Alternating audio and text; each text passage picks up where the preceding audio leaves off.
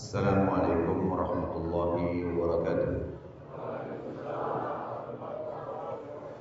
Alhamdulillah Kalimat yang selalu kita ucapkan dari lisan kita Kepada satu-satunya zat yang maha hidup Zat yang berdiri sendiri Zat yang telah menciptakan semua yang ada di langit Di bumi Bahkan di kedalaman lautan Kelihatan atau tidak kelihatan oleh mata kita Dialah Allah subhanahu wa ta'ala yang tidak ada sekutu baginya Yang telah menggantungkan bertambahnya nikmat yang diberikan kepada kita dengan kalimat Alhamdulillah.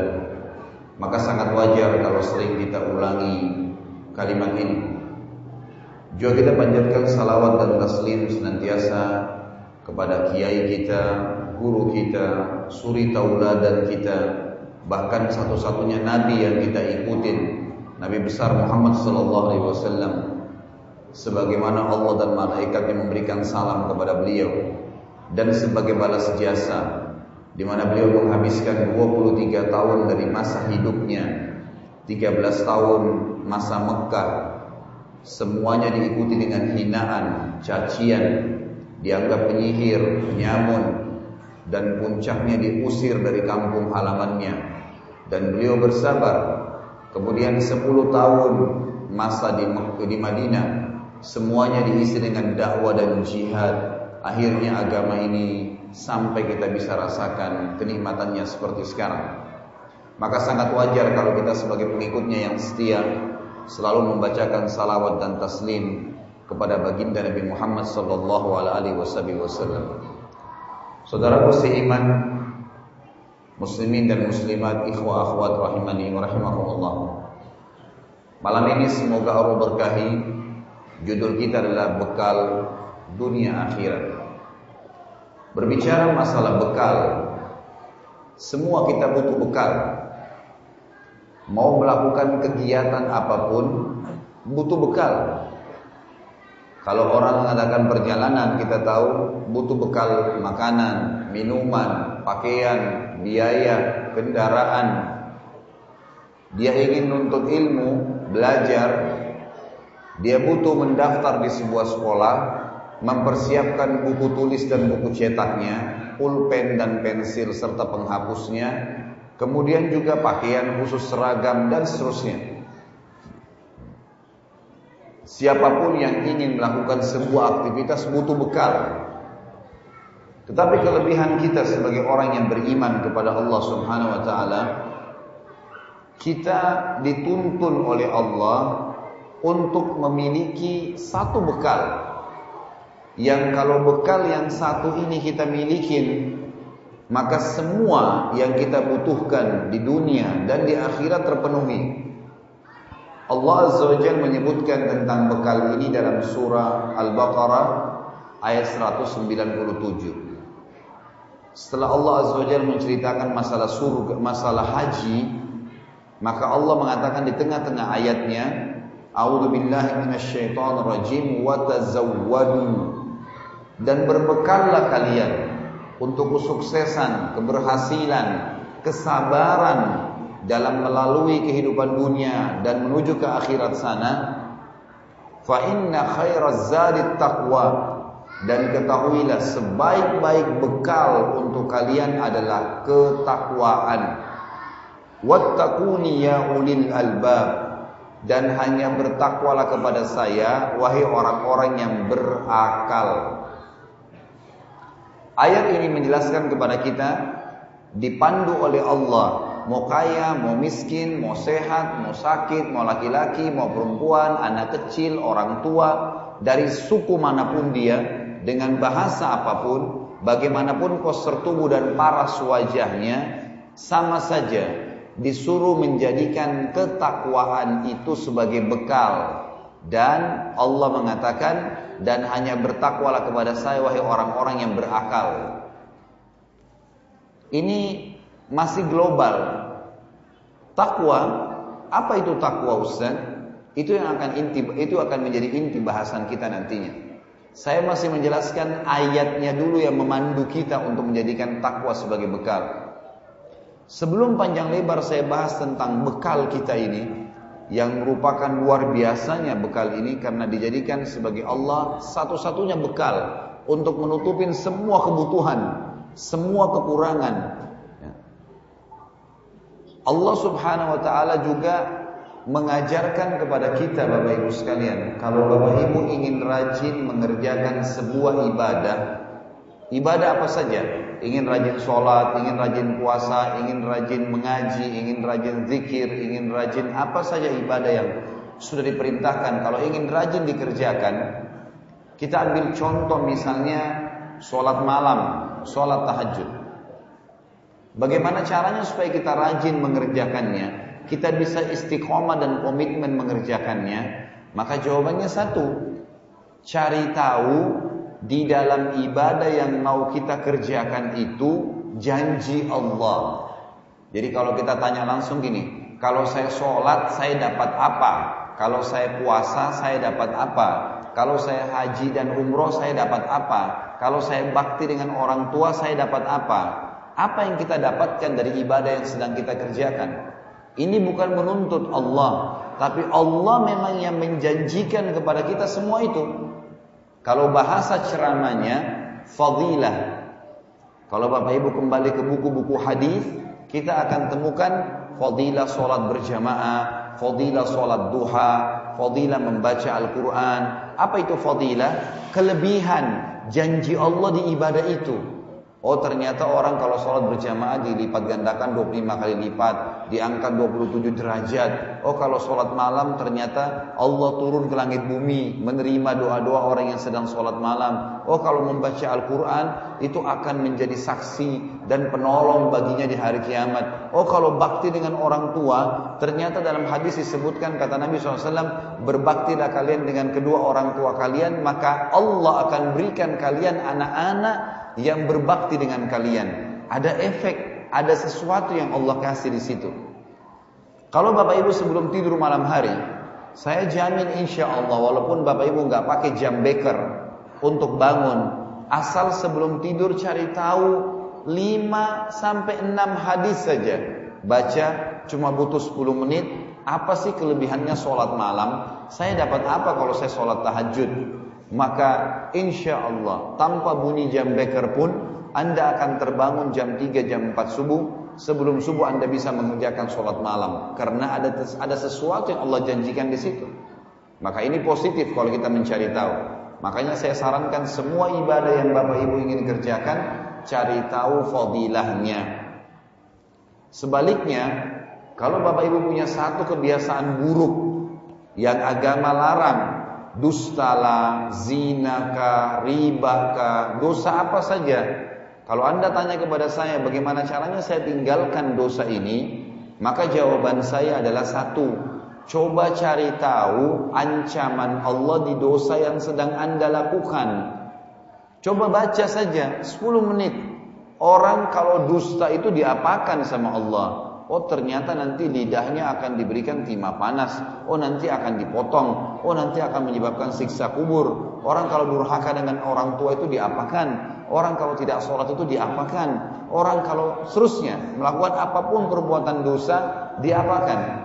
Subhanallah, wahyu itu menyentuh hati Bapak Ibu sekalian. Kalau kita baca ancaman Allah di situ, kita akan meninggalkan dengan sendirinya. Oh ternyata kalau saya makan riba itu ada hadis Nabi berbunyi satu dirham riba lebih berat di sisi Allah daripada 36 kali berzina. Ada sesuatu yang kita tahu di situ ancaman. Kalau dalam ilmu hadis ini namanya al-wa'ad wal wa'id. Al-wa'ad itu janji Allah ah, di amal soleh yang sedang kita kerjakan. Al-wa'id ancaman Allah di dosa yang sedang kita lakukan. Ini aja rahasianya. Takwa tadi yang kita disuruh jadikan sebagai bekal Bapak Ibu sekalian adalah sebuah ibadah dan juga punya fadilah.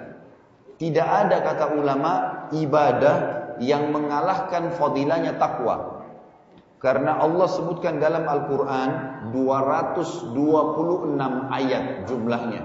Ini sesuai apa yang saya hitung sendiri, term-term ayatnya saya temukan 226 ayat dalam Al-Quran semuanya berbicara tentang kelebihan takwa. semuanya. Dan tidak ada ibadah seperti ini. Apa pun. Sholat puasa jihad tidak ada yang seperti ini. Ini luar biasa 226 ayat. Dan saya akan bacakan beberapa ayatnya saja. Di antaranya surah At-Talaq surah nomor 65 ayat 2 sampai ayat 5 kita dengarkan sama-sama dan kita tadaburi A'udzu billahi minasyaitonir rajim. Bismillahirrahmanirrahim. Wa may yattaqillaha yaj'al lahu makhraja. Siapa yang bertakwa kepada Allah, Allah akan berikan kepadanya makhraja. Makhraja itu begini Bapak Ibu sekalian. Kalau Bapak Ibu lagi haji dan umroh, ada yang mau berangkat misalnya insya Allah atau nanti nyusul berangkat, coba perhatikan kalau kita lagi di hotel di Mekah atau di Madinah, itu tangga daruratnya untuk menyelamatkan diri kalau liftnya mati, listrik mati, terjadi kebakaran, tertulis makhraj. Mim kha ra jim, makhraj. Dan Allah menggunakan dalam Al-Qur'an di sini dikatakan yang bertakwa kepada Allah Allah berikan makhraja. Jalan keluar yang bisa menyelamatkan dia dari masalah yang sedang dia hadapi. Ini artinya makhraj. Makna yang lain Orang-orang Arab Bapak Ibu sekalian kalau lagi jalan di sebuah jalan yang sempit membuat tubuhnya nggak bisa bergerak. Kemudian dia dapat sebuah lapangan luas dia bisa lari, maka tempat transisi dari tempat yang sempit ke lapangan yang luas itu namanya makhraj. Contoh yang lain, biawak. Biawak itu binatang yang suka membuat lubang di tanah. Kalau mereka masuk ke tanah ini biasa biawak padang pasir kalau mereka masuk ke lubang padang pasir di bawah tanah, lubangnya di bawah besar, kan? Ya, rumahnya dia di bawah besar, tapi mulutnya, mulut untuk masuk ke situ kecil. Jadi kadang-kadang dia kalau sudah masuk dikecilin lagi. Jadi kadang-kadang kita kira lubang biawak itu hanya lubang semut karena kecilnya lubangnya, gitu kan? Ini semua agar dia aman dari musuh. Nah, dalam bahasa Arab, lubangnya biawak itu yang kemudian biawak bisa keluar dari situ keluar kemudian dia dapat lapangan luas dia bisa lari itu namanya makhraj. Inilah yang Allah gunakan. Orang yang bertakwa kepada Allah, Allah berikan makhraja, jalan keluar dari masalah dia setelah dia sempit, sakit kesembuh, miskin ke kaya, bodoh ke pintar, gitu kan. Semua dikasih oleh Allah Subhanahu wa taala.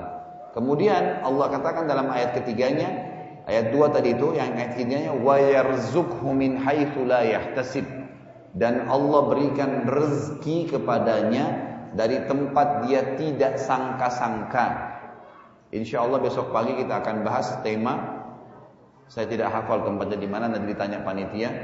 Judulnya saudaraku inilah rahasia rezekimu. Panjang lebar saya akan bahas masalah rezeki dan insya Allah bapak ibu akan lebih paham. Tapi di sini Orang bertakwa Allah akan berikan rezeki kepadanya dari tempat tidak disangka-sangka. Ini ayat yang ketiga. Ayat yang keempat sama surah At-Talaq Allah bilang wa may yattaqillaha yaj'al min amrihi yusra. Siapa yang bertakwa kepada Allah, Allah akan jadikan ayat kedua tadi makhrajnya jalan keluar dari masalahnya yusra, mudah. Jadi kalau cuma makhraj tadi di ayat kedua, bisa saja kita sakit sembuh itu melalui operasi misalnya. Tapi di sini ayat keempat menjelaskan tanpa operasi bisa sembuh. Allah mudahin jalan keluarnya itu. Lalu ayat kelimanya Allah mengatakan, "Wa may yattaqillaha yukaffir anhu sayyi'atihi wa yu'dhim lahu ajra."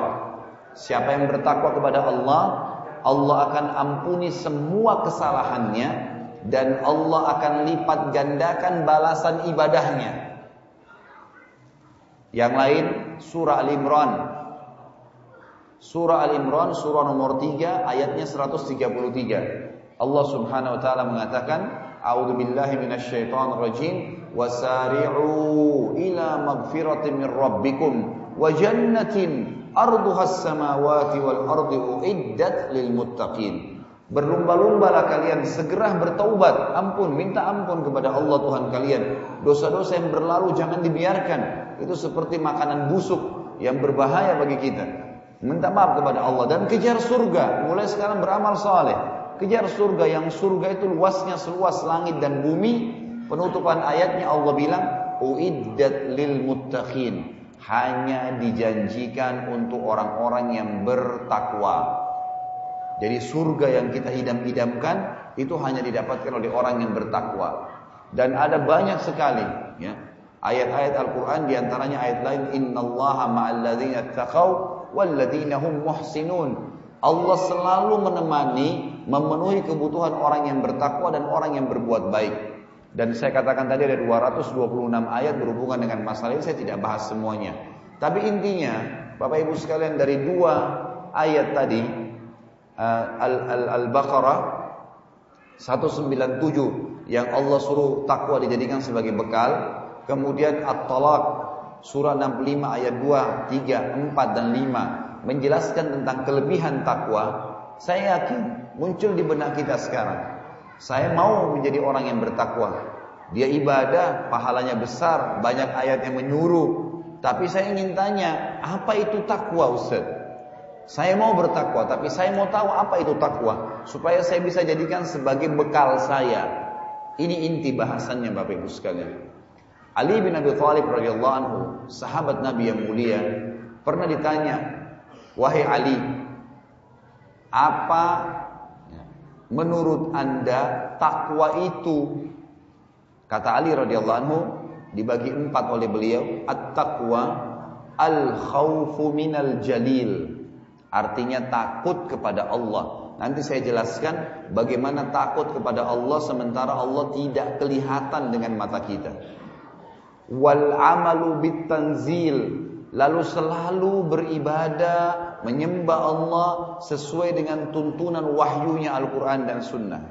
Wal amalu bit tanzil, uh, maaf, al khawf min al jalil wal amalu bit tanzil war ridha bil qalil. Lalu ridha terhadap apa yang Allah berikan walaupun sedikit di mata dia. Dan di sini nanti kita akan bicara tentang konsep syukur.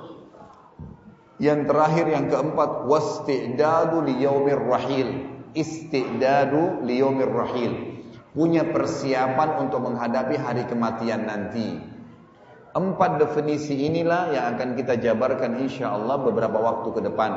Dan saya minta jemaah sekalian dan teman-teman panitia, kalau azan isya kita break sholat, mohon berikan saya waktu untuk menyelesaikan materi. Dan saya lebih berharap kalau jemaah setuju dengan saya, fokus mengambil ilmunya, pertanyaannya kita kesampingkan dulu. Kalau masih ada waktu, silakan bertanya. Kalau enggak, coba cerna penyampaiannya dulu. Gitu ya. Karena itu yang penting. Bapak Ibu saya berharap pulang dari sini, dari masjid yang mulia ini sudah tahu apa itu takwa dan dijadikan sebagai bekal kita. Potongan yang pertama Bapak Ibu sekalian, al khawfu minal jalil, takut kepada Allah. Pertanyaannya, bagaimana saya takut kepada Allah? Allah nggak kelihatan. Kalau harimau saya takut, Wajar harimau bisa menerkam saya, saya dengan mata saya. Bagaimana caranya memunculkan takut kepada Allah? Maka ulama akidah mengatakan melalui dua pintu. Yang pertama, untuk takut kepada Allah Bapak Ibu sekalian, kita harus memahami hakikat makna la ilaha illallah, la ma'budu bihaqqin illallah yang berarti tidak ada Tuhan pencipta, pemilik, penguasa, pemusnah, pengawas semua yang di langit yang kelihatan dengan mata kita tidak kelihatan, semua yang di bumi kelihatan dan tidak kelihatan, semua yang di kedalaman lautan dan kedalaman bumi kelihatan tidak kelihatan.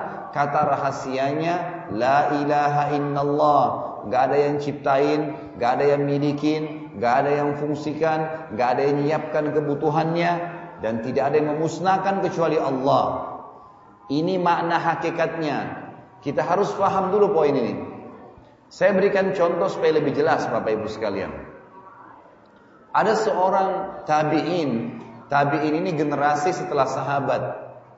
Seorang ulama tabi'in pernah mengadakan perjalanan perniagaan dari Baghdad, ibu kota Irak, ke Damaskus, ibu kota Syria. Zaman itu tidak ada penerangan kayak kita sekarang. Orang menggunakan cahaya matahari, bukan lagi obor cahaya matahari. Karena mereka perjalanan jauh. Irak ke negeri Syam ini jauh. Bisa perjalanan sampai tiga hari, empat hari dengan menunggangi kuda. Kalau jalan kaki bisa lebih dari seminggu. Waktu itu orang andalkan cahaya matahari. Kalau terbit matahari pagi, mereka jalan. Begitu tiba malam, maghrib, mereka nginep dulu, tunggu. Gelap, nggak kelihatan apa-apa. Besok baru terbit matahari, baru jalan lagi. Begitu cara orang dulu jalan gitu. Orang ini Bapak Ibu sekalian, pas tiba maghrib, dia berada di tengah-tengah hutan. Berada di tengah-tengah hutan. Lagi gelap, maghrib nggak kelihatan apa-apa gelap. Maka dia terpaksa nginap di situ.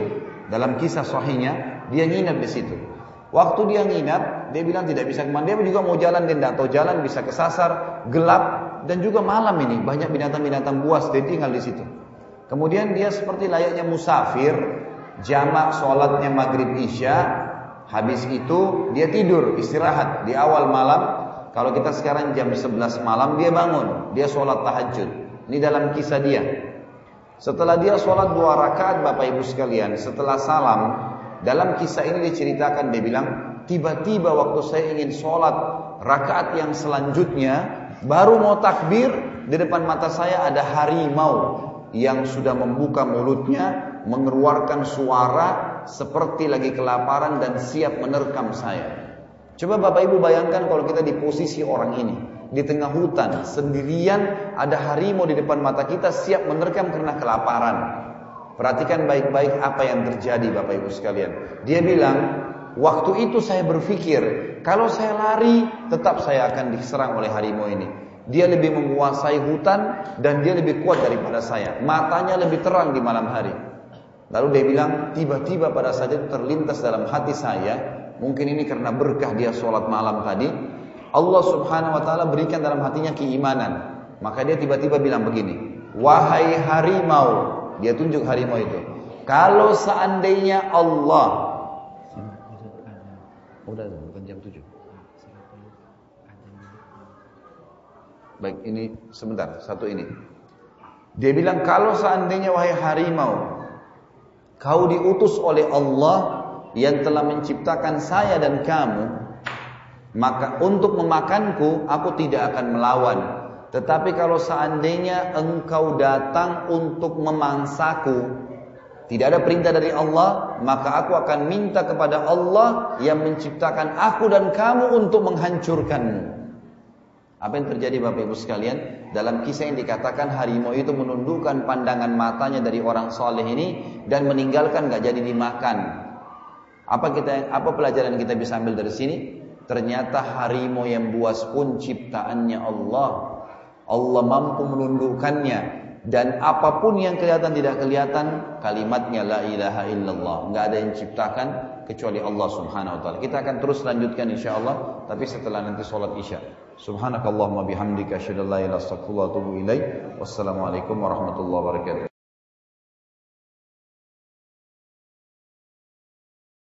Masih di potongan yang pertama takwa al khawfu minal jalil, takut kepada Allah. Dan kita masih membahas bagaimana caranya agar takut kepada Allah. Saya bilang tadi ada dua pintu. Yang pertama memahami hakikat la ilaha illallah. Fahamilah, renungilah, ikrarkan dengan pikiran kita, dengan lisan kita, yakini dengan hati kita, tidak ada Tuhan yang berhak disembah kecuali Allah. Nggak ada di langit, di bumi, di mana pun tidak ada. Dan contoh-contoh yang akan saya berikan nanti memberikan gambaran kepada kita tentang masalah itu. Seorang sahabat bernama Al-Ala radhiyallahu anhu. Beliau pernah diutus oleh Rasulullah SAW dalam salah satu peperangan. Pada saat tiba di sebuah hutan yang lebat, maka sebelum pasukannya masuk melewati hutan tersebut, Beliau sempat berkata kepada beberapa pimpinan perangnya, coba pantau, lihat keadaan hutan ini, layak nggak pasukan kita ngelewatin? Ternyata beberapa pimpinan Al-Ala radhiyallahu anhu ini memeriksa dan tidak ditemukan. Maksudnya tidak ditemukan celah bisa lewat, penuh dengan binatang buas, hutannya terlalu lebat, susah untuk dilewatin. Maka mereka pun kembali kepada Al-Ala dan berkata, wahai pemimpin, amir, pemimpin perang, kami tidak melihat ada kesempatan peluang untuk masuk ke hutan ini. Kalau Anda paksakan, maka prajurit-prajurit Anda kemungkinan tidak ada yang bisa keluar sehingga bisa bertemu dengan musuh di medan perang.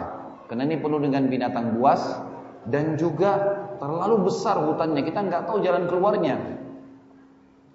Maka kata Al-Ala radhiyallahu anhu, sabarlah, tunggu sebentar. Lalu beliau pun mendekati mulut hutan itu seperti pintu masuknya kelihatan pohon-pohon besar. Dan beliau mengangkat suaranya dengan keras yang memberikan pelajaran kepada kita semua termasuk kepada prajurit-prajurit perangnya. Dia mengatakan wahai penghuni hutan ini kalian tahu kami adalah utusan Rasulullah sallallahu alaihi wasallam untuk berperang di jalan Allah. Dan kalian tahu benar kalau kami dan kalian adalah ciptaannya Allah maka mudahkanlah jalan hutan ini agar pasukan Allah ini bisa lewat. Yang terjadi dikatakan dalam kisah ini ikhwan dan akhwat Bapak Ibu sekalian rahimahullah rahimakumullah adalah tiba-tiba hewan-hewan yang ada di hutan itu baik hewan yang buas ataupun yang biasa menjadi mangsanya seperti singa berdekatan dengan rusa Berdekatan hewan-hewan semua yang tadinya saling memangsa satu sama yang lain membentuk seperti sebuah pagar membantu mereka keluar dari hutan itu. Dan tidak satu orang pun dari pasukan Al-Ala radhiyallahu anhu yang terbunuh dikena atau diserang oleh binatang buas tersebut terbalik mereka malah bisa keluar dari medan perang. Perhatikan apa yang membuat Al-Ala radhiyallahu anhu mengucapkan kalimat tadi. Karena dia sangat yakin Allah subhanahu wa ta'ala pencipta segala sesuatunya. Perhatikan kisah yang lain. Amr bin As radhiyallahu anhu sahabat Nabi yang mulia. Kita ambil kisah-kisah klasik, kisah-kisah lama nih. Amr bin As radhiyallahu anhu ini pernah menjadi pimpinan perang menembus Mesir di zaman Umar bin Khattab dan berhasil Mesir ditaklukkan. Waktu beliau ditunjuk jadi gubernur di Mesir oleh Umar bin Khattab, tiba-tiba sungai Nil yang ada di Mesir yang merupakan sumber hidupnya masyarakat Mesir itu kering, habis airnya, nggak ada airnya. Ini bukan kemarau, bukan kemarau yang panas sekali, sehingga bisa hilang sama sekali airnya dan bukan juga ada sesuatu yang menyebabkan itu. Misalnya dibuatkan saluran menuju ke lautan misalnya. Nggak ada. Hilang tiba-tiba. Lalu Amr bin As bertanya kepada beberapa orang masyarakat Mesir yang baru masuk Islam pada saat itu menjadi orang-orang dekatnya Amr bin As. Beliau bertanya, ada apa sebenarnya? Kenapa begini sungai Nil? Kata orang-orang Mesir yang baru masuk Islam yang mu'allaf, setiap tahun terjadi begini wahai gubernur, amir, setiap tahun begini nih. Pasti sungai Nil airnya hilang. Lalu kata Amr bin As, apa yang kalian lakukan? Mereka bilang, kami melempar tumbal ke sungai itu. Lempar kambing atau sapi atau anak gadis Hidup-hidup dilempar dan tiba-tiba begitu jatuh karena tinggi dari tebing mulutnya sungai ke dasar itu mati di situ. Begitu mati tertumpah darahnya airnya keluar kembali. Kata Amr bin As radhiyallahu anhu, ini tidak ada dalam Islam. Saya akan lapor kepada Amir Mukminin Raja Umar bin Khattab kirim surat ke Madinah. Ya Amir Mukminin begini kejadiannya. Apa kata Umar bin Khattab? membalas surat Amr bin As. Wahai Amr bin As, saya mengirim surat kepada Nil, sungai Nilnya. Surat saya ke sungai Nil, bacakan kepada Nil itu. Apa yang tertulis saudaraku? Dari hamba Allah Umar bin Khattab kepada sungai Nil. Kalau seandainya selama ini kau mengalir karena tumbal yang dilemparkan kepadamu yang telah dilarang oleh Allah, maka kami tidak ingin kau mengalir selamanya. Tapi kalau seandainya kau mengalir dengan izin Allah yang jabbar, jabbar ini Allah yang maha perkasa, maka mengalirlah atas nama itu.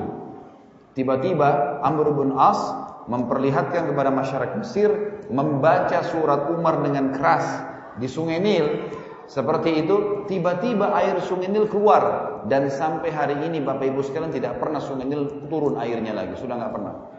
Ternyata itu permainan syaitan-syaitan yang berusaha untuk menyesatkan manusia.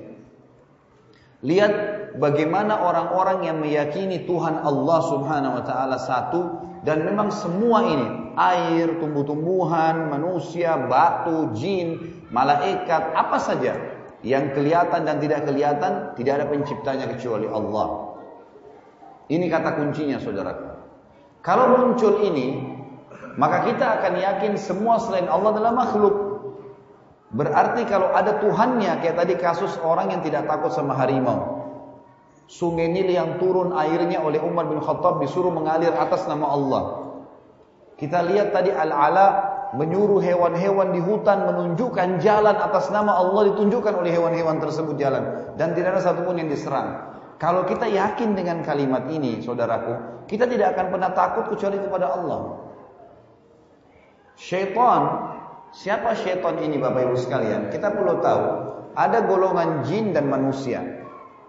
Manusia ini ada tiga golongan. Ada yang beriman, insya Allah kita termasuk dalamnya. Beriman patuh sama Allah dan mengikuti Rasulnya Muhammad SAW. Yang kedua fasik. Fasik, kalau Bapak Ibu dapat ayat Al-Quran bunyinya fasik, fasikin, gitu kan? Inja'akum fasikum binaba'in. Kalau datang orang-orang fasik, fasik ini muslim tapi masih berbuat dosa. Itu namanya fasik. Ya. Jadi dia masih dia sholat atau dia tidak sholat, mungkin dia sholat tapi dia masih berzina, dia masih berjudi. Ini fasik namanya. Ada kafir yang ketiga. Nah ini golongan manusia. Golongan jin juga sama. Ada jin yang mukmin. Ini jin mukmin dinamakan jin. Yang kedua ada jin yang fasik, muslim tapi bobrok, masih buat dosa seperti manusia. Dan yang ketiga jin kafir. Nah jin fasik dan jin kafir ini itu dalam agama kita namanya syaitan. Namanya syaitan. Jadi tidak semua jin itu syaitan. Ya. Karena ada jin yang mukmin. Jin mukmin tidak dikatakan syaitan.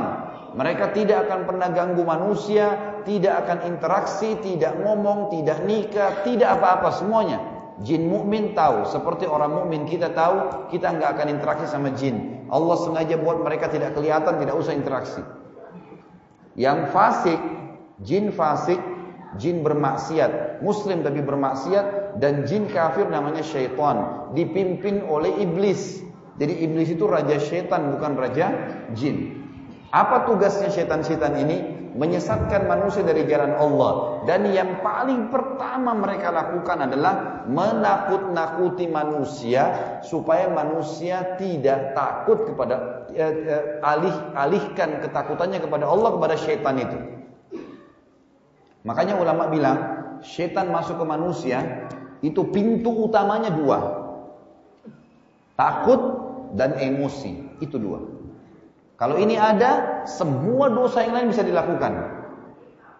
Makanya syaitan itu selalu bermain di situ. Bagaimana menakut-nakuti orang? Kalau kita lewat sendiri dibuat merinding. Dia bisik-bisikin dalam hati kita, tuh ada begini, tuh ada begini. Bapak Ibu sekalian, ada satu hal untuk lebih menjelaskan tentang syaitan ini bagaimana perannya. Dan insya Allah Bapak Ibu bubar dari sini tidak pernah takut lagi sama syaitan. Bapak Ibu sekalian, dalam Islam tidak ada namanya ruh gentayangan. Ini garis bawah itu. Saya mau tanya Bapak Ibu sekalian, ini yang masih terpengaruh dengan banyak sinetron dan film-film kita di Indonesia. Kalau ada rumah orang di situ bunuh diri, gantung diri kah, dia tusuk dirinya kah? Adakah Bapak Ibu yang mau beli rumahnya? Hah? Jujur ya, Kok nggak ada yang nyaut ini masih hidup nggak ini? Kalau jemaah saya di Jakarta saya tanya, Bapak mau beli rumah nggak? Yang ada orang bunuh diri? Nggak mau Ustaz. Kenapa? Takut. Itu jawabannya. Baik, simpan deh rumah ini. Nanti kalau nanti kalau sudah saya jelaskan pasti Bapak Ibu akan berebut beli nanti. Rumah yang kedua, tadi orang bunuh diri. Rumah kedua orang yang dibunuh sekeluarga. Ada perampok datang, tadi bunuh diri ini dibunuh. Mau beli rumahnya enggak? Sama aja nggak mau. Kenapa? Takut. Karena gambarannya selalu digambarkan ada ruh gentayangan. Bapak Ibu sekalian ambil dari saya dan percaya ini wahyu. Tidak ada ruh gentayangan. Nggak ada ceritanya kuburan terbuka pocongnya keluar. Tidak ada ceritanya itu orang kalau buang air ada tangan tarik-tarik orang dari kloset. Tidak ada ceritanya pocong bisa jalan lah, tengkorak bisa jalan lah, bisa bicara lah. Semua itu dusta, bohong. Tidak ada. Dari mana dalilnya Ustaz? Bisa tuntun kami nggak? Dengarkan hadisnya. Hadis riwayat Bukhari. Kata Nabi SAW waktu habis mengantar jenazah sahabat, beliau mengatakan, kalau orang mukmin meninggal dunia, siapa itu orang mukmin Bapak Ibu sekalian? Orang yang sudah menggabungkan rukun Islam dan rukun iman. Udah syahadat, udah sholat, udah zakat, udah haji, udah puasa Ramadan, iya. Tapi nggak cukup. Kalau bapak ibu sholat, Allahu Akbar, sholat. Allah ada nggak ya? Malaikat catat nggak? Ini ada pahalanya nggak? Itu masih Muslim namanya. Masih level terbawah di agama kita. Tapi kalau bapak ibu mau lebih tinggi namanya mukmin. Mukmin itu sholat Allahu Akbar. Oh Allah melihat saya nih. Bacaan yang saya ucap ini malaikat sedang catat. Ini ada pahalanya. Nanti saya masuk surga. Itu mukmin. Jadi dihubungkan antara rukun Islam sama rukun iman. Yakin Allah ada, yakin malaikat catat, yakin ini betul dibawa oleh Rasul, yakin disebutkan dalam kitab Al-Quran, yakin hari kiamat kita akan terima pahalanya, yakin tentang takdir-takdir Allah itu rukun iman. Namanya orang mukmin. Kata Nabi SAW kalau orang mukmin meninggal dunia akan ikut dengannya ya, akan didatangi oleh tiga malaikat. Kalau dia meninggal dunia akan datang kepadanya tiga malaikat. Dua malaikat rahmah kasih sayang di kiri kanannya. Satu malaikat maut di ubun-ubun kepalanya. Lalu malaikat maut itu berkata, Ya ayyatuhan nafsul mutmainnah irji ila rabbiki radiyatan mardiyah. Wahai jiwa yang baik, wahai jiwa yang mulia, kembalilah kepada kasih sayang dan rahmat Tuhanmu. Kata Nabi SAW, ruhnya keluar lebih mudah dari air dari mulut kendi. Cepat sekali. Belum sesaat keluar, malaikat rahmat kasih sayang di kiri kanannya membawa kain kafan dari surga membungkusnya dengan kain kafan tersebut lalu dibawa ke langit. Menembus tujuh lapis langit tersebut menuju kepada Allah Subhanahu wa taala. Lalu setiap menembus tujuh lapis langit itu malaikat-malaikat di langit sana berkata kepada malaikat rahmat yang membawanya, ruhnya siapa ini? Sungguh mulia ruh ini. Semoga Allah membuat ruh ini lewat di sisi kami. Kenapa? Kata Nabi SAW, karena ruh itu mengeluarkan bau yang lebih wangi dari bau kasturi. Semoga kita ini insya Allah termasuk. Bapak ibu sekalian lalu kemudian terbawalah ruh tersebut sampai ke atas kata Nabi SAW lalu terdengar suara Allah berkata catatkan hambaku ini termasuk penghuni surga. Kembalikan dia di dunia karena di sana saya ciptakan di sana pula saya akan bangkitkan. Diantar ruhnya kembali ke kuburan bersamaan dengan jasadnya diantar oleh kerabatnya. Begitu dimasukkan oleh kerabatnya ditutup tiga langkah mereka pulang kata Nabi Shallallahu Alaihi Wasallam. Si mayit ruh ini masih dengar suara kaki sendal mereka. Tiga langkah. Selebihnya sudah nggak dengar lagi. Lalu datang kepadanya malaikat mungkar dan nakir mendudukkan dia. Lalu bertanya siapa Tuhanmu? Siapa nabimu? Apa kitabmu? Karena dia orang beriman kata Nabi SAW Nabi membaca ayat alladhina amanu bil Allah akan kekalkan di lisannya orang-orang yang beriman. Jawaban untuk menjawab pertanyaan-pertanyaan baik di dunia maupun di akhirat. Di dunia misal kalau kita ditanya kenapa kamu sholat, kenapa kamu puasa, kita kalau belajar bisa punya jawaban. Dan di akhirat kata ulama adalah di, di alam di alam barzah, di kuburan. Pertanyaan malaikat dijawab oleh dia. Setelah dia jawab, maka dibukakan baginya pintu neraka. Siksaan, azab, orang dicincang, orang dibakar, teriak-teriakan. Orang ini yang mati ini kaget. Kata malaikat, lihatlah dari apa Allah selamatkan dirimu. Karena kau beriman, kau beramal soleh, nggak jadi masuk sini, ditutup. Dibuka pintu surga, dayang-dayang, permadani, perhiasan, segala macam. Ini tempat kau sekarang. Maka kata Nabi SAW, si mayit ini berdoa mengatakan, Ya Allah, cepatkanlah waktu karena aku ingin masuk ke dalam surgaku. Lalu datang di sebelahnya Bapak Ibu sekalian orang yang tampangnya bagus, bajunya bersih, badannya wangi. Saking luar biasanya sempurnanya orang ini. Sampai si mayit bilang, siapa kamu ini? Sungguh sempurna ciptaan Allah pada dirimu. Maka dia bilang, saya amal solehmu. Sholat, puasa, ini hadir di majelis ilmu seperti ini. Ya, semua itu yang akan menemani kau sampai hari kiamat. Maka kemudian terdengar suara dari langit Allah berkata, luaskan kuburan hambaku ini seluas pandangan matanya dan jadikan kuburannya ya, taman dari taman surga, terbentang selalu jalan menuju ke surga tiap hari dilihat. Maka bahagialah orang tersebut. Kalau orang fasik, orang yang masih bermaksiat, tidak sempat taubat sebelum meninggal walaupun muslim, sama orang kafir, hati-hati metode cara eh, cara matinya sama. Kata Nabi SAW kalau orang fasik atau orang kafir akan datang kepada mereka tiga sosok malaikat. Satu malaikat maut di ubun-ubun kepalanya dan dua malaikat azab penyiksa di kiri kanannya. Yang malaikat azab ini membawa kain kafan dari neraka. Lalu malaikat maut di ubun-ubun kepalanya berkata, "Wahai jiwa yang busuk, keluarlah kepada kemurkaan Tuhanmu." Maka ruhnya kata Nabi SAW berantakan di tubuhnya, nggak mau keluar, ketakutan. Lalu Allah berfirman dalam surah Al-Anfal, "Walau tara idh kafarul malaikatu yadribuna wujuhahum wa adbarahum wa dhuqu adzabal hariq." Kalau kalian lihat bagaimana dahsyatnya para malaikat mencabut ruhnya orang fasik dan orang kafir, menghantam wajah mereka dan bokong mereka dengan keras dan dikatakan kepada mereka rasakanlah panasnya api neraka. Lalu ruh tersebut kata Nabi SAW ditarik dengan keras oleh malaikat maut seperti ibaratnya bulu domba yang dibasahkan lalu dililitkan di pohon berduri dan ditarik dengan keras sehingga berantakan bulu domba itu. Lalu kemudian belum sesaat dia keluar ditangkap oleh malaikat azab, dibungkus dengan kain kafan dari neraka, dibawa ke langit. Baru tiba di langit pertama ditutupkan pintu, gak dibukain. Lalu para malaikat di langit berkata kepada malaikat yang membawanya, siapa ruh ini? Sungguh buruk ruh ini. Semoga Allah tidak buat dia lewat di sisi kami. Kata Nabi SAW, malaikat azab menyebutkan namanya yang paling buruk di dunia. Fulan bin Fulan, gitu kan.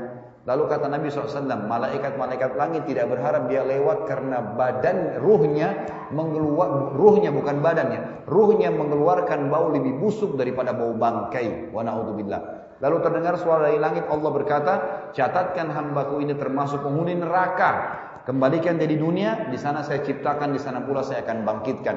Di antara ruhnya bersama jenazahnya di antara oleh kerabatnya, tiga langkah dia masih mendengar, setelah itu datang malaikat lalu dudukkan dia bertanya, siapa Tuhanmu, siapa nabimu, apa kitabmu? Walaupun muslim Bapak Ibu sekalian, hafal mati ini tidak bisa dijawab. Kata Nabi SAW, walaupun dia muslim ini fasik, Siapa Tuhanmu, siapa Nabi apa kita dia mengatakan, ah, ah, inna ma'akulu kama kana yakulun nas. Saya enggak tahu, saya enggak tahu, saya cuma ikut-ikut dulu orang bilang apa. Lalu dibukakan baginya pintu surga.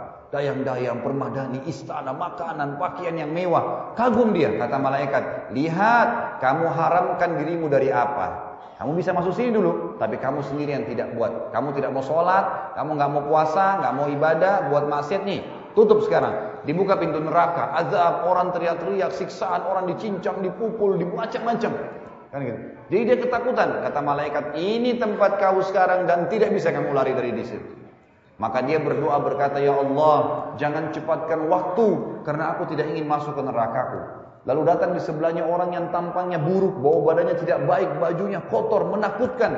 Sampai ruh ini berkata, siapa kamu ini? Pergi dari saya. Sungguh buruk ciptaan Allah pada dirimu. Maka dia berkata, saya amal burukmu, zinahmu, ribamu, judimu, segala durhaka dengan orang tua yang akan menemani kau sampai hari kiamat.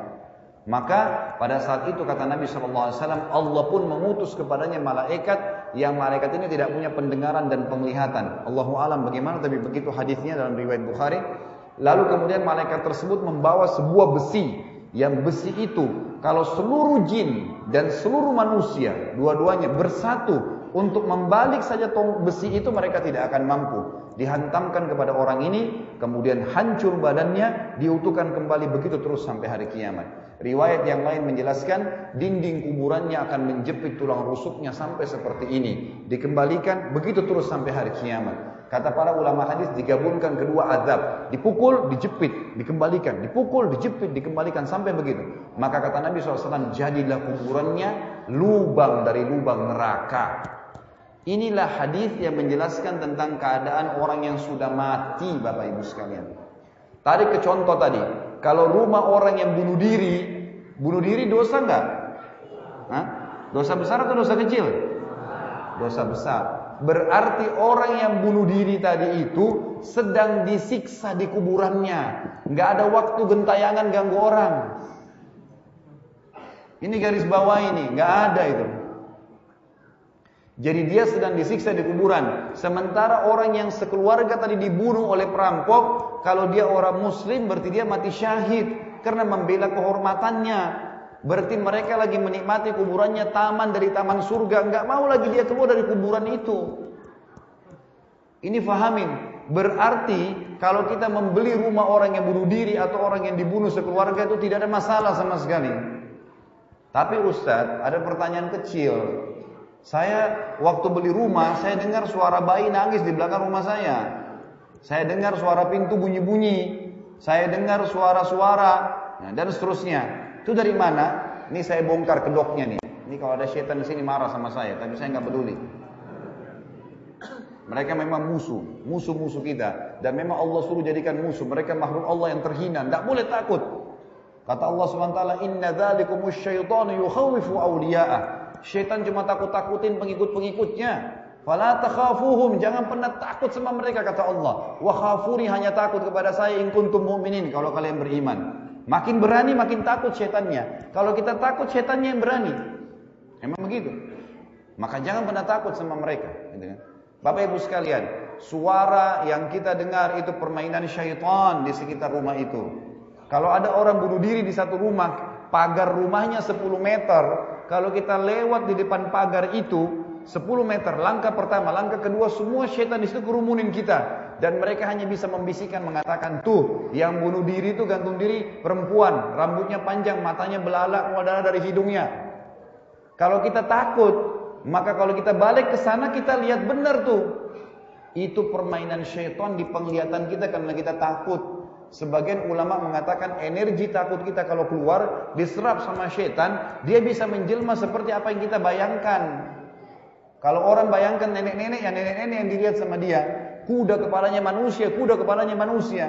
Tapi kalau kita jalan dengan seorang teman tidak takut, kita tanya, kamu lihat nggak? Pasti dia bilang tidak. Karena yang lihat hanya orang yang takut saja. Ini poin penting. Maka jangan pernah takut, jalan di mana pun, gelap bagaimanapun, kecuali kepada Allah subhanahu wa ta'ala. Allah yang menciptakan kita, yang menciptakan kegelapan, terang, manusia, jin, semuanya ini tidak ada. Di langit dan bumi kecuali Allah subhanahu wa ta'ala yang menciptakan. Ini kata kunci rahasianya Bapak Ibu sekalian. Jadi jangan pernah takut kecuali kepada Allah. Pahami makna ini. Yang kedua, untuk takut kepada Allah, yakinlah semua yang Allah perintahkan dalam syariatnya pasti baik buat kehidupan kita dan semua yang Allah larang pasti buruk buat kita. Bapak Ibu sekalian, sesuatu yang Allah perintahkan, kewajiban-kewajiban dan sunnah, serta yang Allah halalkan, itu banyak sekali menunya.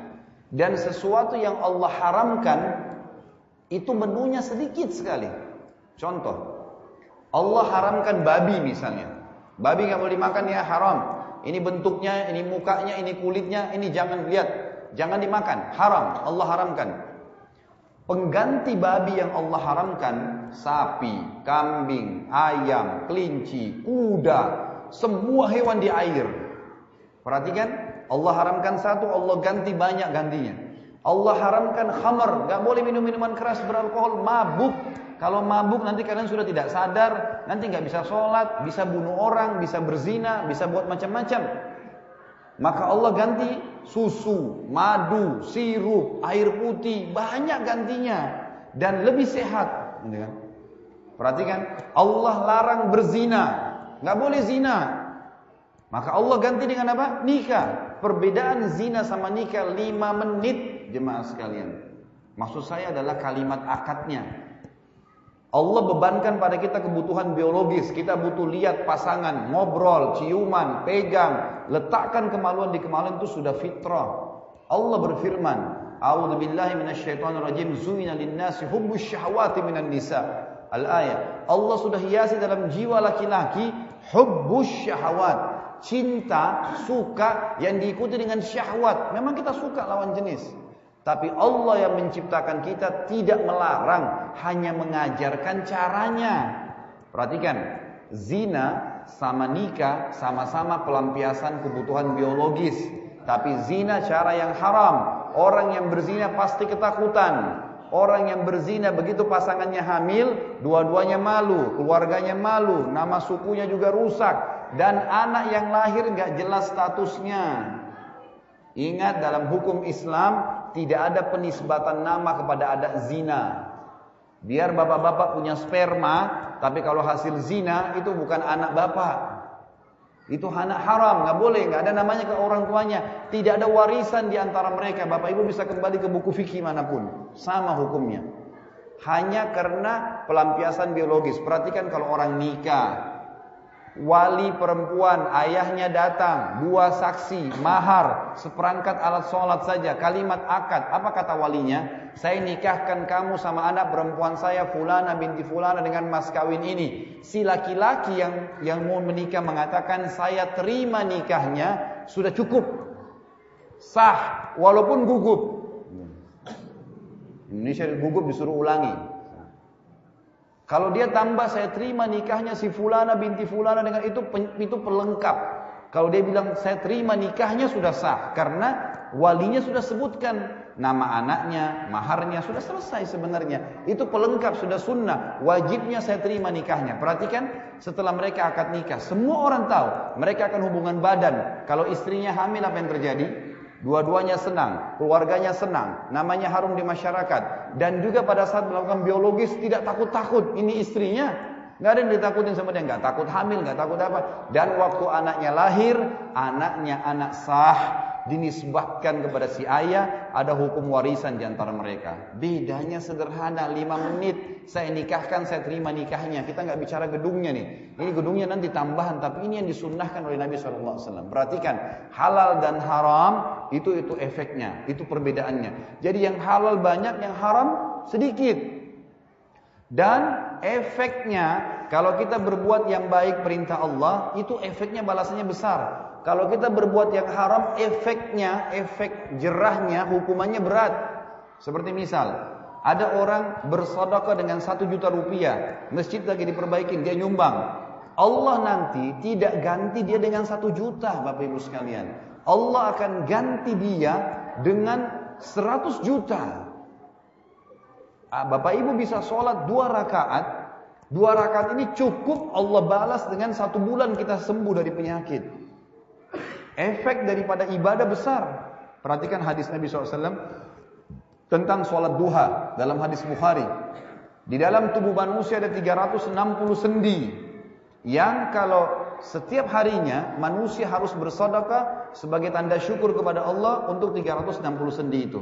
Dan dua rakaat sholat duha, dua rakaat sholat duha menutupi sedekah untuk 360 sendi itu. Perhatikan dua rakaat sholat duha bersedekah untuk 360 sendi. Hadis Muslim, siapa yang berpuasa satu hari di jalan Allah, satu hari, Allah jauhkan dia dari api neraka sejauh sejauh 70 tahun. Sehari ibadah 70 tahun selamat. Nah, Lailatul Qadar sekali ucapkan subhanallah Lailatul Qadar sama dengan ucapkan subhanallah seribu bulan. 83 tahun plus 4 bulan. Itu efeknya. Kalau buat dosa mencuri satu juta, Bapak Ibu sekalian, efek jerahnya besar. Allah nanti nggak hilangkan dompet kita dengan duit satu juta, tapi Allah buat dia sakit, dia biayai sakitnya 100 juta. Itu bahayanya dosa dan haram, jangan dikerjakan. Yakinlah semua apa yang Allah perintahkan baik, semua apa yang Allah larang itu juga baik. Itu itu baik untuk tidak dikerjakan. Kalau dikerjakan maka berbahaya. Saya ingin bercerita sedikit mudah-mudahan waktunya ada insya Allah. Hukum Islam misalnya, banyak orang Islam belum paham. Kenapa pencuri dipotong tangannya? Kenapa orang kalau membunuh dipenggal lehernya? Kejam ya. Kesannya kayak terlalu sadis. Bapak Ibu saya tinggal di Saudi 7 tahun. Dari SMA sampai S1 dan saya tahu sendiri malam Jumat di Saudi kalau ada kisos, ada orang yang mencuri dipotong tangannya atau ada orang membunuh dipenggal lehernya itu diiklanin malam Jumat. Si fulan bin fulan mencuri di toko emas ini, di rumah orang ini. Ceritanya dia masuk, dia pecahin pintunya, dia masuk, diambil emasnya, diketangkap sama polisi kronologisnya.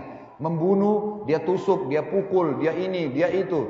Besok kena kisos, kena hukuman. Maka yang terjadi apa? Hari Jumat, habis sholat Jumat, saya pernah hadir sendiri salah satunya.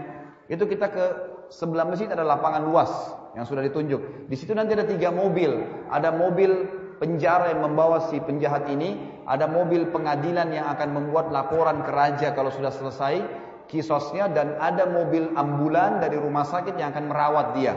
Kalau habis dipotong tangannya, dirawat. Yang terjadi di mas sekalian di sekitar lapangan itu ada polisi pagar betis, kami berdiri di belakangnya.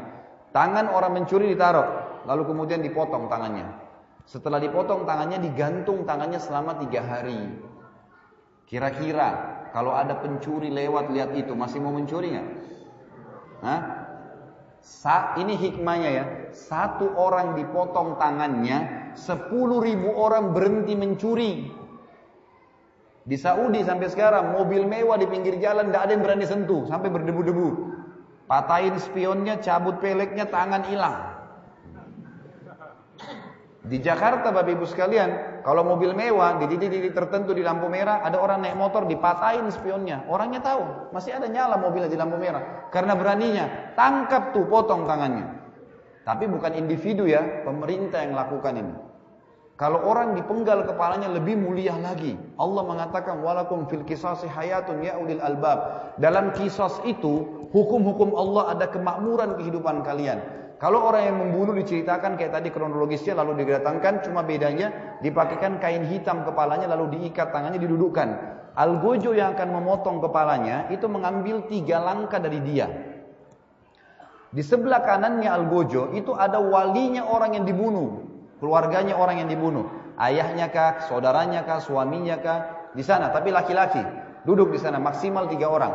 Algojo ini waktu melangkah Bapak Ibu sekalian. Yang pertama dia balik ke walinya orang yang dibunuh. Kalau mereka diam, dia melangkah langkah kedua, dia balik lagi. Kalau mereka diam, dia melangkah langkah ketiga, dia balik lagi. Terakhir pedangnya diangkat. Dia balik. Kalau mereka diam, dipenggal. Tapi kalau ada satu orang dari yang hadir di sana, misalnya tiga orang yang hadir, ada satu orang kasih isyarat dengan tangan seperti ini, artinya dia memaafkan, nggak jadi kisos, nggak jadi penggal kepala. Kenapa? Karena hikmah syar'inya Allah ingin menyampaikan kepada keluarga yang sedang dibunuh itu, yang sudah keluarganya dibunuh, yang bunuh suamimu, istrimu, anakmu, orang tuamu, nih orangnya. Kami akan bunuh juga dia. Ingat, nggak ada hubungan sama istrinya, nggak ada hubungan sama anaknya. Dalam Islam bisa saja anak pembunuh dan anak dibunuh menikah karena bisa saja orang tuanya yang membunuh jahat tapi anaknya hafal Quran. Nggak ada dendam keluarga, nggak ada dendam suku. Ini kemakmuran. Orang yang seperti ini bayangkan kalau ada orang tahu kisos, kemudian lewat, dia tidak akan berani karena kepalanya bisa melayang. Gitu kan. Perhatikan maaf, saya tidak menyinggung siapa pun di aparat pemerintahan kita, tapi saya biasa berbicara dengan beberapa teman aparat. Saya bilang, ini contohnya. Ternyata banyak mereka tidak tahu kalau begitu hukum Islam. Bagaimana koruptor mau kapok kalau hanya masuk penjara, maaf dia sogok dia keluar lagi. Coba tangkap iklanin si fulan koruptor, gitu kan? Mencuri, ceritanya begini, besok hari Jumat di sebelah Istiqlal dipotong tangannya. Iklanin semua, potong, gantung tiga hari itu, berhenti koruptor. Hukumnya Allah nggak mungkin salah. Jadi Allah kalau merintahkan sesuatu pasti baik. Cuma kitanya belum faham. Makanya belajar Bapak Ibu sekalian. Nah untuk takut kepada Allah hanya dua ini pintunya. Yakini la ilaha illallah. Gak usah takut bergantung mohon tunduk kecuali kepada Allah. Dan yang kedua yakin semua apa yang Allah perintahkan baik. Yang halal nikmatin. Yang itu banyak pilihannya. Dan yang haram jauhi. Sudah selesai serta hukum Allah kita terapkan. Tiga poin yang tersisa saya ringkaskan karena melihat waktu tinggal 10 menit. Tiga poin yang tersisa dari potongan takwa. Yang pertama takut kepada Allah sudah saya jelaskan. Yang kedua al-amalu bitanzil. Beribadah sesuai dengan wahyu. Ibadah itu artinya semua perkataan, perbuatan, ya, dan niat di dalam hati yang ditujukan karena dan untuk Allah itu namanya ibadah. Apa saja sholat, puasa, segala macam-macamnya. Tapi yang jelas definisinya semua perkataan, perbuatan, niat yang tertuju karena dan untuk Allah. Itu ibadah. Nah ibadah ini supaya Allah terima harus ngikutin buku panduannya.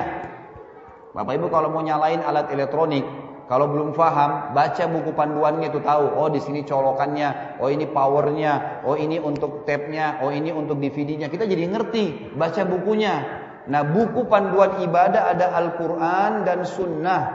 ikutin Al-Quran, Allah berfirman, Rasulullah SAW contohkan, dan jangan yang lainnya. Karena ini Allah sudah turunkan untuk diikutin, gitu kan? Kata Nabi SAW, Taraktu fikum amran ma'in tamassaktu bihima lan tadillu abada kitabullahi wa sunnati. Saya tinggalkan untuk kalian, kata Nabi SAW, dua perkara. Pegang teguh padanya. Kalau kalian pegang teguh, kalian tidak akan pernah sesat selamanya. Tidak akan salah. Kitabullah, Al-Quran, wa sunnati. Siapa pun yang bicara di depan anda, saudaraku, kiai, habib, ustadz, dai, apalah gelar mereka, maka kalau mereka berbicara dan mereka mengatakan Allah berfirman di surah ini, Rasulullah SAW bersabda begini, terima. Tapi kalau ini pendapat saya, ini pendapat guru saya, saran saya jangan didengar. Karena agama ini bukan pendapat, wahyu.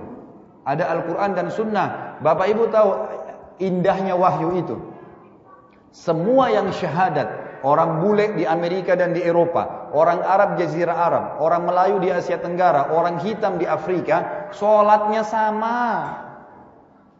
Sama, puasanya sama. Yang haram di Amerika, haram di Indonesia.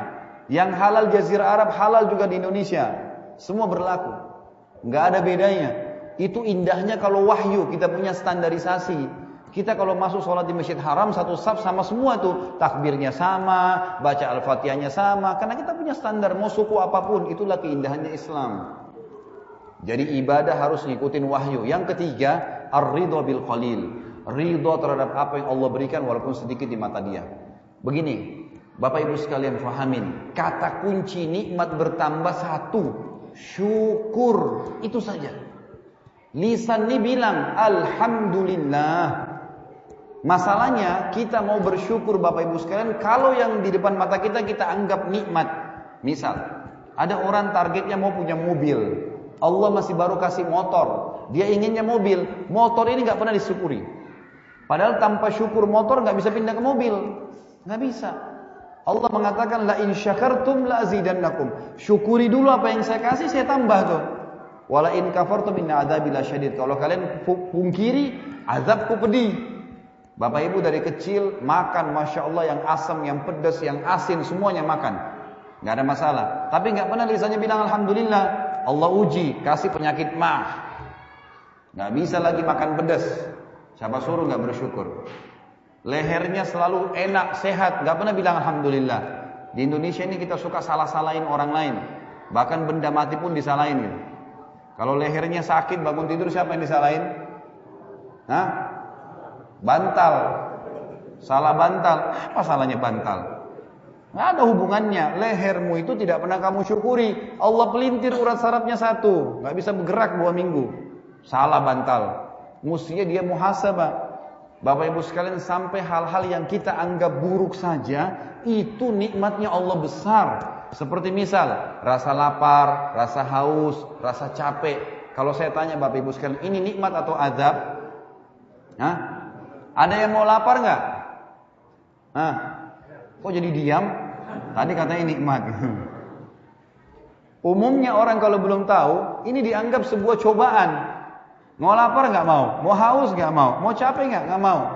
Padahal Bapak Ibu sekalian, lapar, haus dan capek nikmatnya Allah yang tidak terhingga. Karena kalau tidak lapar nggak enak kita makan. Coba kalau sudah kenyang, Dihidangkan lagi ayam bakar, kambing segala sudah nggak bisa makan. Tapi kalau lapar itu nasi sama tempe sama sambal nikmatnya luar biasa.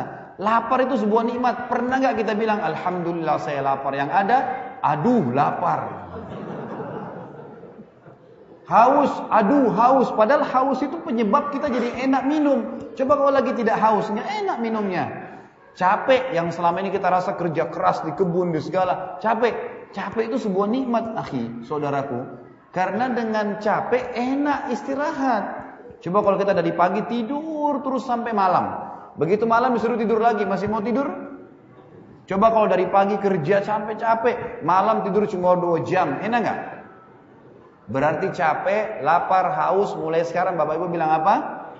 Alhamdulillah saya lapar. Jangan masuk rumah, aduh laparnya nih.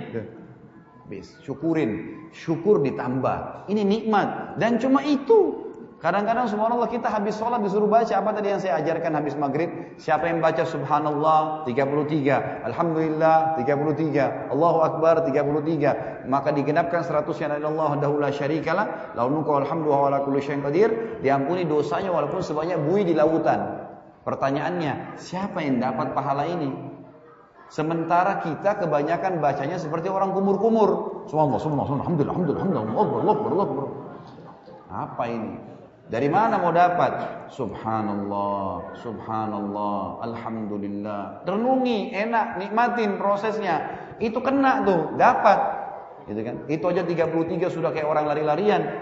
Bagaimana mau dapat nikmatnya Allah Subhanahu wa taala? Jadi perbanyak syukur. Kata kuncinya begini, bahagia. Kalau kita diberikan nikmat, lihat orang yang di bawah kita. Itu kata kuncinya. Kalau diberikan nikmat lihat orang yang dibawa. Kita punya motor lihat orang yang pakai sepeda. Kita punya sepeda lihat orang yang jalan kaki. Kita jalan kaki lihat orang yang tidak ada kakinya. Terus begitu. Kalau kita diberikan cobaan, lihat orang yang lebih berat. Kita bangun tidur flu, lihat orang yang flu dan demam. Kita flu dan demam ada orang flu demam rematik. Kita flu demam rematik ada orang yang stroke. Kita stroke ada orang yang mati. Gitu kan.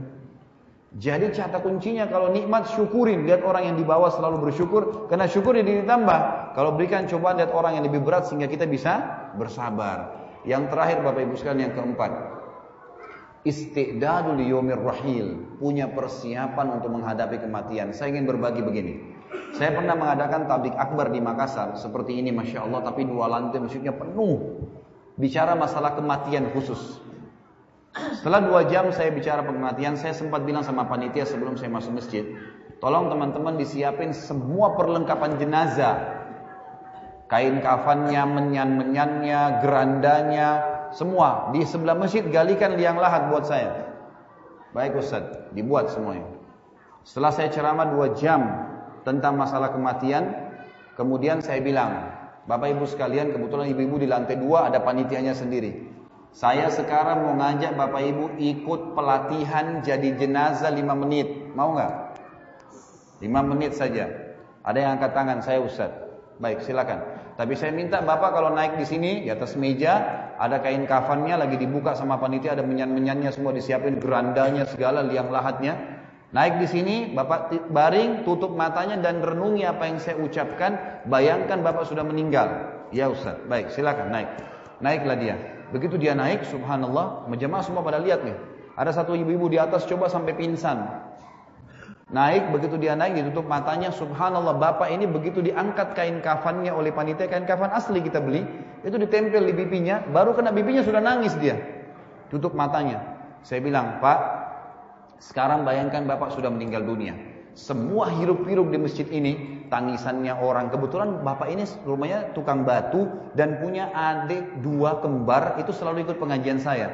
Adiknya ini membayangkan kakaknya mati, kakaknya juga membayangkan waktu dengar suara adiknya dia sudah meninggal dunia. Jadi mereka pak saling nangis, jemaah banyak nangis di masjid nih. Saya bilang, Pak, suruh hiruk-hiruk suara tangisan di masjid ini, suara tangisan adik Anda, kemudian suara orang yang tertawa, mungkin ada orang jalan. Ini semuanya adalah suara di rumah Anda pada saat Anda meninggal. Tapi Anda nggak bisa protes mengatakan jangan ribut, udah nggak bisa lagi. Anda sudah mati. Panitia meletakkan tangan kiri di, di bawah, tangan kanan di atas dada, kemudian ditempelin, ditaruh kapas, taruh menyannya ditaruh di hidungnya, taruh kupingnya, renungi, hirup itu. Tahuilah ini bau jenazah nih. Gitu. Kemudian setelah itu saya bilang Pak, bayangkan semua peluang amal saleh.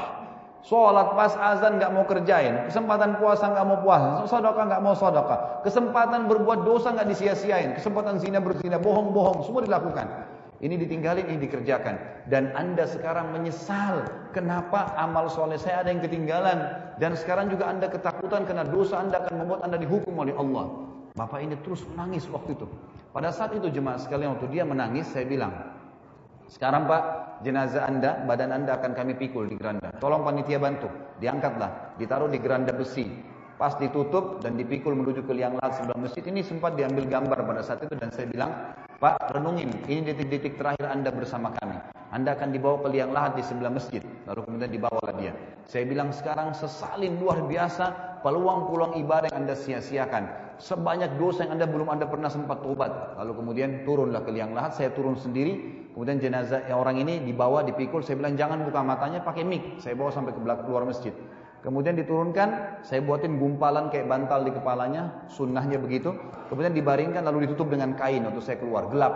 Saya bilang, Pak sekarang buka matanya. Inilah rumah anda sekarang, satu kali dua meter. Walaupun rumah anda mau sepuluh kali sepuluh, seribu kali sepuluh meter sudah ditinggal jadi warisan. Ini rumah anda sekarang. Buka mata sekarang. Sebentar lagi mungkar nakir akan datang bertanya kepada anda. Selesai, saya buka, suruh buka kainnya, suruh bapak itu keluar. Jemaah sekalian demi Allah nih, di rumah Allah saya sumpah, dia keluar sempoyongan nih. Ini kurang dari lima menit. Keluar dari kuburan sempoyongan. Lalu masuk ke masjid, saya pandu, pas masuk masjid duduk di depan, saya kasih mic. Pak, ceritain pak, pengharapannya jadi jenazah lima menit. Itu dia pegang mic gemetar. Ustaz saya tobat, Ustaz saya tidak sholat, saya durhaka sama orang tua, saya begini, oh nangis-nangis dia. Cuma semua pada banyak ikut nangis. Ini padahal cuma lima menit nih, gitu kan? Kemudian saya bilang siapa lagi yang mau coba? Jemaah kedua, jemaah ketiga, jemaah keempat sampai lima orang. Selesai saya bilang saya tutup acaranya. Saya bilang Bapak Ibu sekalian ini cuma pelatihan. Anda masih bisa kembali, masih bisa aktivitas lagi. Tapi demi Allah satu waktu datang waktu ini nggak bisa kembali lagi. Jadi kan pelajaran, jangan sia-siakan. Orang yang bertakwa selalu tahu dia akan meninggal dunia, maka dia harus hati-hati dia harus hati-hati, jangan sia-siakan waktu, jangan sampai kita terkosong, ter, ter, terombang-ambing dengan kegiatan duniawi yang tidak ada gunanya.